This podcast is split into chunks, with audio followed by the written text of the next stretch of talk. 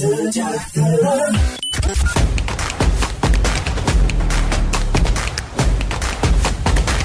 news people, waktunya kalian mengikuti program Good News. Selamat mendengarkan. Shalom teman-teman, apa kabar? Luar biasa sore hari ini. Ya ampun. Berapa banyak di antara kita yang siap untuk uh, belajar firman Tuhan sore hari ini? Boleh lambaikan tangan. Lambaikan ya, jangan tepuk tangan. Saya nggak suruh tepuk tangan. Kalau nggak siap berarti saya turun nih. Saya selesai. Oke, okay, uh, tema yang diberikan kepada saya adalah Family in God. Dan ayat yang diberikan adalah kisah para rasul 16 ayat 31. Yang cukup uh, bikin saya harus uh, ya belajar lebih lagi ya untuk untuk ayat ini karena harus mencoba untuk bagaimana ini tema dan ayat ini harus harus sesuai gitu. Tapi saya berdoa bahwa apa yang saya sampaikan sore hari ini itu menjadi sesuatu yang memperlengkapi setiap kita sebagai anak-anak Tuhan untuk mengerti apa yang menjadi kehendak Tuhan di dalam kehidupan kita. Sebelum kita membaca ayat itu, saya ingin tanya dulu, siapa yang hadir di ibadah hari ini yang anggota keluarganya ada yang belum percaya Yesus? Coba angkat tangan, tidak usah disorot kameranya, tapi coba angkat tangan. Ya, terima kasih. Satu, dua, jangan malu-malu ya, saya nggak akan kasih hadiah dan nggak akan kasih hukuman juga. Saya hanya butuh tangan yang terangkat. Oke, satu, dua, ada lagi? Itu di belakang bendera setengah tiang atau gimana? Tiga, empat, lima, enam, tujuh, wow makin banyak, delapan. Ini budaya ikut-ikutan atau gimana nih? Oke, terima kasih. Dan yang kedua, siapa yang anggota keluarganya sudah tahu tentang Yesus, tapi belum bertobat sungguh-sungguh. Jadi Kristennya hanya sekedar Kristen aja gitu. Ternyata lebih banyak daripada yang tadi ya. Nah, coba mari kita buka di dalam uh, kisah para rasul pasal 16 ayat 31 dan mari kita akan belajar sama-sama apa yang mau Tuhan sampaikan kepada kita semua melalui ayat ini. Kita baca sama-sama karena di situ sudah ada dengan suara yang terdengar paling enggak minimal kiri kanan saudara mendengar uh, suara saudara ketika membaca firman Tuhan. Siap? Satu, dua, tiga. Jawab mereka.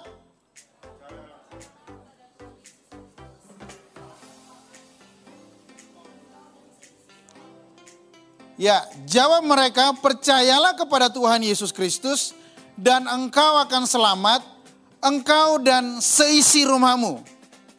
Saya tidak mau uh, apa namanya menjabarkan latar belakang ini terlalu panjang, Nanti teman-teman bisa baca sendiri dari ayat-ayat sebelumnya dari kisah para rasul pasal 16 ini. Nah, uh, tolong di slide aja di, dilanjutkan. Next. Pernahkah mendengar statement seperti ini? Jika satu orang bertobat, maka seisi rumah atau keluarga diselamatkan. Pernah mendengar statement ini? Nah, pernyataan ini keluar dari ayat yang baru saja kita baca tadi bahwa jika satu orang bertobat, maka seisi rumah atau keluarga diselamatkan. Nanti teman-teman di dalam Unity bisa saling diskusi atau sharing. Menurut saudara-saudara, pernyataan ini benar atau tidak? Ya. Nah, dari pernyataan ini kemudian uh, muncul sebuah tafsiran atau sebuah pemahaman yang keliru yang seperti ini bahwa kalau ada satu saja anggota keluarga yang sudah bertobat atau sudah menjadi percaya kepada Tuhan Yesus, maka dengan otomatis seluruh anggota keluarganya pasti selamat. Pernah mendengar statement seperti ini? Nah, ternyata pemahaman ini menjadi merupakan sebuah pemahaman yang keliru, sebuah penafsiran yang keliru. Kenapa? Karena kita perlu mengerti akan hal ini, ada orang-orang Kristen yang kemudian beranggapan bahwa ya sudah, kalau aku sudah percaya, otomatis bahwa nanti kemudian semua anggota keluargaku akan diselamatkan atau pasti masuk surga. Atau berpikir bahwa kalau papa mamanya sudah selamat, atau mungkin salah satu anggota keluarganya sudah selamat, maka semua anggota keluarganya secara otomatis pasti akan selamat. Atau ada yang berpikir begini, bahwa kalau aku sudah percaya, nanti tinggal tunggu waktunya, kapan saja keluarga saya itu pasti akan semuanya percaya. Bisa saja terjadi seperti itu, kalau roh kudus betul-betul bekerja dan menjamah setiap hati anggota keluarganya masing-masing. Tetapi pemahaman itu kemudian menjadi keliru karena apa? Karena penafsirannya menjadi berubah. Yang mengatakan bahwa kalau satu anggota saja, anggota keluarganya e, menjadi percaya, bahwa kemudian secara otomatis seluruh anggota keluarganya menjadi menjadi percaya atau bertobat. Pemahaman ini menjadi sebuah pemahaman yang keliru. Nah, coba tampilkan. Ingat bahwa iman adalah tanggung jawab pribadi. Keselamatan itu adalah tanggung jawab pribadi. Tidak ada yang namanya keselamatan secara kolektif. Nanti kita akan lihat. Iman itu adalah tanggung jawab pribadi lepas pribadi dari setiap kita. Yang mau memutuskan untuk menerima Yesus sebagai Tuhan dan Juru Selamat secara pribadi. Jadi tidak ada hubungannya kalau misalnya engkau sudah percaya hari ini bahwa kemudian nanti keluargamu secara otomatis kemudian bertobat. Enggak. Tidak ada hubungannya kemudian kalau engkau hari ini sudah terima Yesus, lalu engkau ongkang-ongkang kaki aja, santai-santai aja, tidak ada usaha untuk menceritakan tentang Yesus kepada keluargamu yang belum bertobat, lalu kemudian keluargamu tiba-tiba semuanya bertobat. Enggak, tidak bisa seperti itu. Atau yang sering dikatakan begini, ya udah nebeng aja. Keselamatannya nebeng aja. Satu orang yang percaya, semua keluarga menjadi menjadi selamat. Tidak ada yang namanya iman dan keselamatan keselamatan itu nebeng. Hanya angkot dan ojek. Dan kalau mau naik motor, nebeng teman ke sekolah, ke kampus, atau ke tempat kerja. Tidak ada. Tidak ada yang namanya iman dan keselamatan itu nebeng, tidak ada. Iman dan keselamatan itu adalah tanggung jawab pribadi lepas pribadi bagi siapa yang yang meresponi panggilan Injil di dalam hidupnya. Nah, ada tiga alasan kenapa kemudian penafsiran itu menjadi keliru. Yang pertama, nah kita mau belajar satu persatu ya. Yang pertama, kalau kita baca di dalam teks Yunani, bahasa asli dari Alkitab, secara susunan kata ayat ini dibagi menjadi tiga bagian ayat yang tadi kita baca. Jawab mereka, percayalah kepada Tuhan Yesus Kristus dan engkau akan selamat engkau dan seisi rumahmu. Nah, bagian yang pertama ada kalimat perintah di situ yaitu apa? Percayalah kepada Tuhan Yesus Kristus. Kata percaya di situ mengandung sebuah perintah. Ada imperatif di situ, ada sebuah perintah yang harus dilakukan. Nah, bagian yang kedua ada dampaknya. Yaitu ketika engkau percaya, maka apa? Engkau akan selamat. Nah yang ketiga menjadi bagian yang penting bagi kita sore hari ini, yaitu objek yang dikenai perintah itu. Yaitu siapa? Engkau dan dan seisi rumahmu. Sehingga kalau kita melihat alasan yang pertama ini, begini, Objek yang dikenai perintah itu adalah engkau dan seisi rumahmu. Jadi frasa ini ingin menunjukkan kepada kita semua, ingin menjelaskan kepada kita bahwa tidak ada kata engkau dan seisi rumahmu itu menjelaskan tentang keselamatannya. Sampai di sini bisa nangkap ya maksud saya ya. Jadi begini, kata engkau dan seisi rumahmu itu tidak menjelaskan sama sekali tentang keselamatannya. Tetapi menjelaskan tentang perintah itu diberikan kepada siapa. Perintah itu diberikan kepada kepada siapa? Dengan demikian, ayat ini tidak bisa diterjemahkan jika satu orang bertobat, maka semua anggota keluarga otomatis bertobat atau percaya Yesus. Enggak. Ya ini alasan yang pertama kenapa pemahaman yang tadi itu menjadi keliru. Ya, ini alasan yang pertama. Jadi sekali lagi, objek yang dikenai perintah itu adalah engkau dan seisi seisi rumahmu. Bukan menjelaskan tentang bahwa semua anggota keluarganya kemudian menjadi selamat karena dia percaya. Tidak. Tetapi menjelaskan kepada siapa perintah itu diberikan. Nah alasan yang kedua, bentuk kata dari engkau selamat, engkau akan selamat, itu dituliskan dalam bentuk tunggal, bukan jamak. Kalau teman-teman belajar tentang bahasa Yunani, ada bentuk tunggal, bentuk jamak, plural. Ya. Nah, engkau akan selamat itu dituliskan dalam bentuk tunggal, bukan jamak. Sehingga kalau kita kita melihat kata engkau akan selamat, kalau merujuk kepada engkau dan seisi rumahmu, maka seharusnya kalau mengikuti uh, pemahaman yang keliru tadi ya, maka seharusnya kalimat ini menjadi begini. Engkau semua akan selamat. Kalau dia pakai kata berbentuk jamak, bukan tunggal. Jadi kalau engkau akan selamat ini kalau dia pakai bentuknya jamak, maka seharusnya terjemahannya begini, engkau semua satu keluarga itu akan selamat. Tapi ternyata engkau akan selamat di situ memakai bentuk kata tunggal, satu orang, bukan jamak, bukan semua. Nah, dengan demikian itu menjelaskan bahwa keselamatannya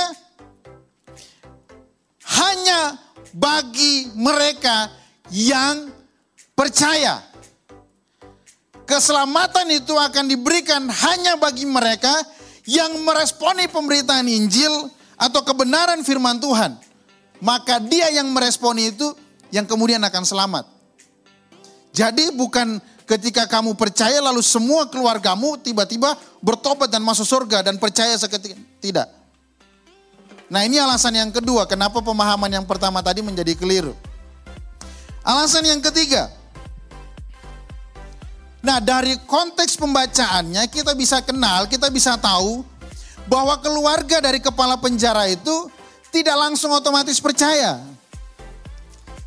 Coba kita lihat ayat 32 dan 33. Di situ dikatakan begini, lalu mereka memberitakan firman Tuhan kepadanya dan kepada semua orang yang ada di di rumahnya. Mereka memberitakan firman Tuhan kepadanya dan kepada semua orang yang ada di rumahnya. Dengan ini kita bisa mengerti bahwa ternyata keluarga dari kepala penjara itu semuanya tidak secara otomatis langsung percaya ketika si kepala penjara itu bertobat dan menjadi percaya. Tetapi ada proses di dalamnya yaitu apa? Yaitu Paulus dan Silas memberitakan Injil juga kepada anggota keluarga si kepala penjara. Jadi dengan demikian kita bisa melihat mengerti bahwa bagi setiap orang yang meresponi atau menerima panggilan Injil, dia pasti akan diselamatkan. Dia pasti akan diselamatkan. Nah, implikasinya bagi kita apa? sebagai keluarga, di dalam keluarga kita. Implikasinya bagi kita apa? Mungkin kalau kita berbicara keluarga, bisa keluarga secara secara eh, apa namanya jasmani keluarga kandung kita, bisa juga merupakan komunitas di mana kita berada yang kita uh, intens berada di dalamnya. Bisa unity, bisa komunitas di mana kita bergaul, berteman dan lain sebagainya. Nah implikasinya bagi kita adalah yang pertama, keselamatan di dalam Kristus bukan keselamatan secara kolektif. Tadi sudah saya kasih tahu atau singgung di awal bahwa iman adalah tanggung jawab pribadi. Keselamatan itu adalah tanggung jawab pribadi. Tidak ada di dalam kekristenan bahwa keselamatan itu merupakan keselamatan kolektif. Jadi kalau satu orang percaya maka secara otomatis semua anggota keluarganya kemudian percaya. Tidak ada. Jadi masing-masing kita itu bertanggung jawab dengan kehidupan kita, dengan keselamatan kita sendiri-sendiri. Itu sebabnya tadi di, di awal saya tanya, apakah ada di antara keluarga teman-teman yang sampai saat ini masih belum percaya kepada Yesus? Nah itu kalau masih ada, berarti tanggung jawab kita orang itu. Tanggung jawab kita untuk membawa dia kepada kebenaran. Setiap kita bertanggung jawab dengan keselamatan kita masing-masing. Nah, jika hari ini engkau menjadi percaya karena papa mamamu sudah menjadi Kristen terlebih dahulu, engkau menjadi Kristen hanya karena keluargamu Kristen, dari dalam kandungan engkau sudah Kristen, dari dalam kandungan engkau sudah dibawa beribadah. Sorry. Sampai pada akhirnya engkau duduk di tempat ini sore hari ini, engkau merasa kemudian saya Kristen. Tapi karena engkau Kristen dari lahir, bukan karena pertobatan, bukan karena engkau lahir baru, bukan karena ada perjumpaan pribadi dengan Yesus, bukan karena keputusan pribadimu untuk menerima Yesus sebagai Tuhan dan Juru Selamat dalam kehidupanmu, tidak menjadi jaminan engkau duduk sore hari ini di tempat ini, kemudian engkau masuk surga. Tidak ada. Jadi kalau hari ini engkau duduk di tempat ini, karena orang tuamu yang jadi Kristen, hari ini engkau harus mengambil keputusan untuk terima Yesus sebagai Tuhan dan Juru Selamat secara pribadi. Amin. Berat. Amin ya. Jadi sekali lagi tidak ada tidak ada hubungannya kalau papa mamamu sudah jadi Kristen dan engkau otomatis masuk surga. Tidak ada. Kalau hari ini engkau masih hanya sekedar menjadi Kristen-Kristen saja. Engkau harus mengambil keputusan untuk menerima Yesus sebagai Tuhan dan Juru Selamat secara pribadi. Untuk bisa mendapatkan keselamatanmu sendiri. Ya. Jadi kalau papa mamamu sudah percaya, sudah terima Yesus, sudah sungguh-sungguh di dalam Yesus, tapi engkau hari ini hanya sekedar menjadi Kristen-Kristen saja, sekali lagi keselamatan di dalam Kristus itu bukan keselamatan secara kolektif. Jangan sampai papa mama mau masuk surga lalu kamu bilang nanti saya nebeng pak, saya nebeng mah. Loh kok enak? Tidak ada ya ceritanya kekristenan seperti itu. Nah keluarga kepala penjara itu kemudian dibaptis di ayat 33 tadi. Bukan karena dia menjadi percaya. Bukan karena kepala penjaranya menjadi percaya. Tetapi apa? Tetapi mereka meresponi Injil, pemberitaan firman Tuhan yang diberitakan oleh Paulus dan Silas secara pribadi. Secara pribadi. Nah, jadi sekali lagi begini, kalau hari ini engkau masih duduk di tempat ini, di ruangan ini, dan engkau menjadi Kristen hanya karena orang tuamu Kristen, engkau harus ambil keputusan sore hari ini untuk terima Yesus. Tidak ada jalan lain. Tidak ada pilihan lain. Kamu nggak bisa datang ke papa, papa mamamu dan bilang ya sudah nanti papa mama masuk surga. Kita satu mobil isi berempat. Enggak, enggak bisa. Engkau harus ambil keputusan hari ini. Karena sekali lagi tidak ada keselamatan secara kolektif. Iman dan keselamatan itu tanggung jawab pribadi masing-masing. Ya.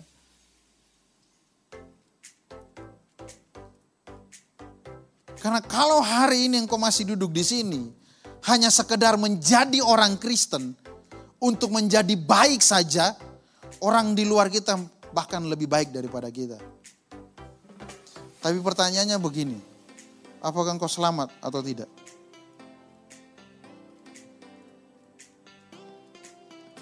Kadang-kadang kita menjadi anak-anak muda yang sibuk saja hanya menjadi lebih baik daripada orang lain. Betul, benar atau betul? Kita sering kali mendengar khotbah-khotbah yang kemudian hanya memotivasi kita untuk menjadi baik.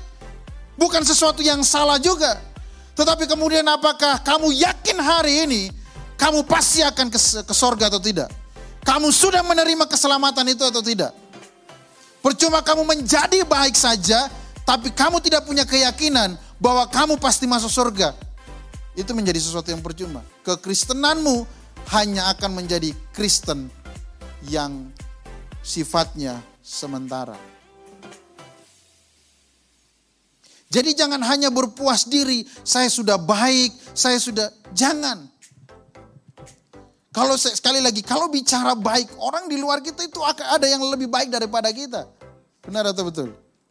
Tapi pertanyaannya kalau sampai kamu duduk hari ini, sore hari ini di sini, apakah kamu yakin pasti menerima keselamatan itu atau tidak? Nah, sekarang kalau misalnya saya tanya, ya, pertanyaan yang sering kali dilontarkan oleh para penginjil. Kalau hari ini saat ini engkau mati, apakah engkau yakin pasti masuk surga? Ada yang sudah Ada yang Itu pertanyaan mendasar di dalam kehidupan kita sebagai anak-anak Tuhan. Ya. Itu sebabnya saya katakan bahwa tidak ada yang namanya keselamatan secara kolektif. Masing-masing kita harus bertanggung jawab. Engkau harus mengambil berani mengambil keputusan untuk terima Yesus sebagai Tuhan dan juru selamat. Tidak ada cara lain, tidak ada jalan lain. Sehingga kekristenanmu tidak hanya menjadi kekristenan yang karakternya baik, yang bagus, yang dilihat orang, yang ya tapi engkau sendiri tidak yakin engkau masuk surga atau tidak. Engkau tidak yakin bahwa engkau mendapatkan keselamatan atau tidak. Nah yang kedua,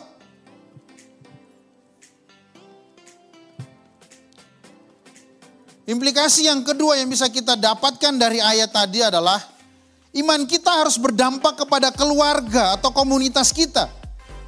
Amin. Iman kita harus berdampak kepada keluarga atau komunitas kita. Memang iman kita kepada Kristus tidak secara otomatis membuat anggota keluarga kita kemudian menjadi percaya. Tetapi iman kita, kepercayaan kita kepada Kristus itu harus menjadi dampak kepada semua anggota keluarga kita yang belum percaya. Pertanyaan saya bagi kita sore hari ini adalah, bagaimana kehidupan kekristenanmu hari-hari ini sebagai anak Tuhan? Sebagai anak-anak muda yang hidup di dalam di dalam komunitas Kristen, apakah kehidupanmu sudah berdampak bagi anggota keluargamu yang belum percaya atau belum? Nah pertanyaan ini harus teman-teman jawab. Di dalam kehidupan kita setiap hari sebagai anak-anak muda yang hidup di dalam komunitas kekristenan. Apakah cara hidupmu sudah menjadi berkat bagi komunitas di mana kamu berada? Apakah kemudian melalui cara hidupmu, caramu berkata-kata, caramu mengambil keputusan, caramu berpikir itu kemudian orang bisa lihat, Oh ternyata anak Tuhan seperti itu. Hebat.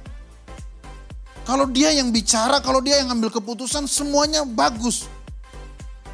Nah pertanyaan saya apakah itu kemudian terjadi di dalam kehidupan teman-teman sebagai anak-anak yang hidup di dalam komunitas Kristen? Apakah imanmu kemudian memberi dampak kepada orang lain? Apakah imanmu kemudian menjadi berkat, menjadi terang kepada orang lain? Atau justru sebaliknya, Hari ini engkau duduk di sini, ternyata kemudian pulangnya engkau sama seperti apa yang dunia ajarkan. Nah kamu mungkin berkata begini, aduh kak saya nggak bisa menginjil. Saya takut kalau di keluarga saya kemudian nanti saya cerita tentang Yesus, saya takut. Saya takut dimarahin, saya takut dikucilkan, saya takut dijauhi, saya takut bermacam-macam ketakutan yang kemudian sering kali muncul ketika kita mau cerita tentang Yesus. Benar atau betul? Saya nggak bisa menginjil kak, saya mungkin nggak bisa berkhotbah. Saya nggak bisa, wah kupas ayat atau bongkar ayat sedemikian rupa supaya mereka mengerti. Nah saya mau katakan kepada kita sore hari ini, dengarkan dan camkan ini baik-baik.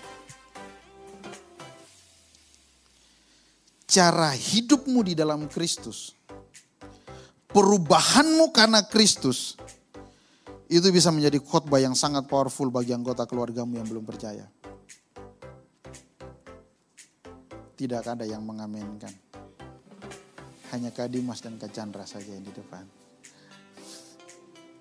Sekali lagi, Kalaupun engkau tidak bisa berkhotbah, kalaupun engkau tidak bisa menginjil, kalaupun mungkin engkau tidak bisa mengajar, tidak punya keberanian untuk memberitakan Injil kepada anggota keluargamu, cara hidupmu di dalam Kristus, perubahanmu karena Kristus, karena apa yang Kristus lakukan di dalam hidupmu, itu sudah menjadi khotbah yang sangat powerful bagi anggota keluargamu yang belum percaya. Seharusnya seperti itu. Jadi engkau nggak usah bingung, kak bagaimana caranya saya harus menginjil kepada anggota keluarga saya yang belum percaya. Apakah saya kemudian harus berdiri di depan mereka semua dan berkhotbah, hei bertobatlah kerajaan Allah surga sudah dekat. Yang ada kamu dirajam batu sampai atau kemudian orang tuamu berdiri, ah, anak durhaka, pergi kamu dan jangan kembali. Khotbah yang paling powerful apa? Perubahan hidupmu yang bisa dilihat oleh mereka perubahan karaktermu yang bisa dilihat oleh mereka. Perubahan cara hidupmu. Karena karya Kristus yang berkarya di dalam hidupmu lah. Yang paling mudah untuk dilihat oleh mereka. Yang paling gampang untuk dirasakan oleh mereka. Sehingga pada akhirnya mereka bisa bilang, gak sia-sia dia ikut Unity. Gak sia-sia dia ikut Dijen. Dia mengalami perjumpaan pribadi dia mengalami Kristus setiap hari. Dan hari ini saya bisa melihat anak saya, keponakan saya, teman saya, kakak saya, adik saya punya kehidupan yang sungguh-sungguh berubah. Pertanyaan buat teman-teman hari ini. Bagaimana imanmu bisa berdampak kepada anggota keluargamu yang belum percaya? Kalau hari ini engkau cuma hanya sekedar, ya urusan dialah kak, ngapain urusan saya? Kan urusannya masing-masing pribadi. Tapi saya mau katakan, setiap kita punya tanggung jawab ilahi untuk membawa setiap orang yang belum percaya kepada Kristus. Termasuk anggota keluarga kita. Benar atau betul? Termasuk anggota keluarga kita yang belum percaya. Itu sebabnya semua kita yang sudah hidup di dalam Kristus, yang hidupnya sudah dibenarkan oleh karena karya salib Kristus, yang hidupnya sudah dipulihkan. Makanya begini, kalau engkau mau hidupmu itu menjadi pengaruh, engkau mau hidupmu itu menjadi dampak, engkau mau bahwa imanmu itu kemudian berdampak kepada anggota keluargamu yang belum percaya, engkau harus berubah. Kau harus hidup sungguh-sungguh di dalam Kristus. Kau nggak bisa setengah-setengah. Engkau harus ambil keputusan bahwa oke okay, saya mau hidup sungguh-sungguh di dalam Kristus. Kenapa? Karena saya mau anggota keluarga saya juga melalui hidup saya mereka menjadi percaya kepada Yesus. Tapi kalau engkau sendiri nggak mau berubah, engkau sendiri tidak mau berdak, bagaimana engkau menjadi dampak? Jadi ada tanggung jawab ilahi yang kemudian harus kita pikul sebagai anak-anak Tuhan. Orang-orang yang sudah dipulihkan, orang-orang yang sudah percaya, orang-orang yang sudah diselamatkan.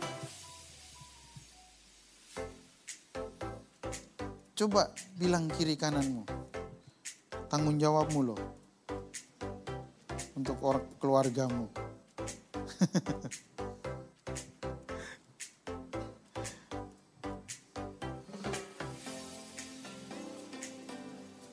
Oleh sebab itu kita jangan menjadi anak-anak Tuhan yang kemudian cuek masa bodoh dengan apa yang sudah kita punya di dalam kehidupan kita. Kalau engkau berkata begini, aduh kak, saya jauh, saya ini merantau. ya, jauh keluarga saya itu ada di Kalimantan sana, di Papua sana, di Sumba sana, di Sumatera sana, di mana. Jauh.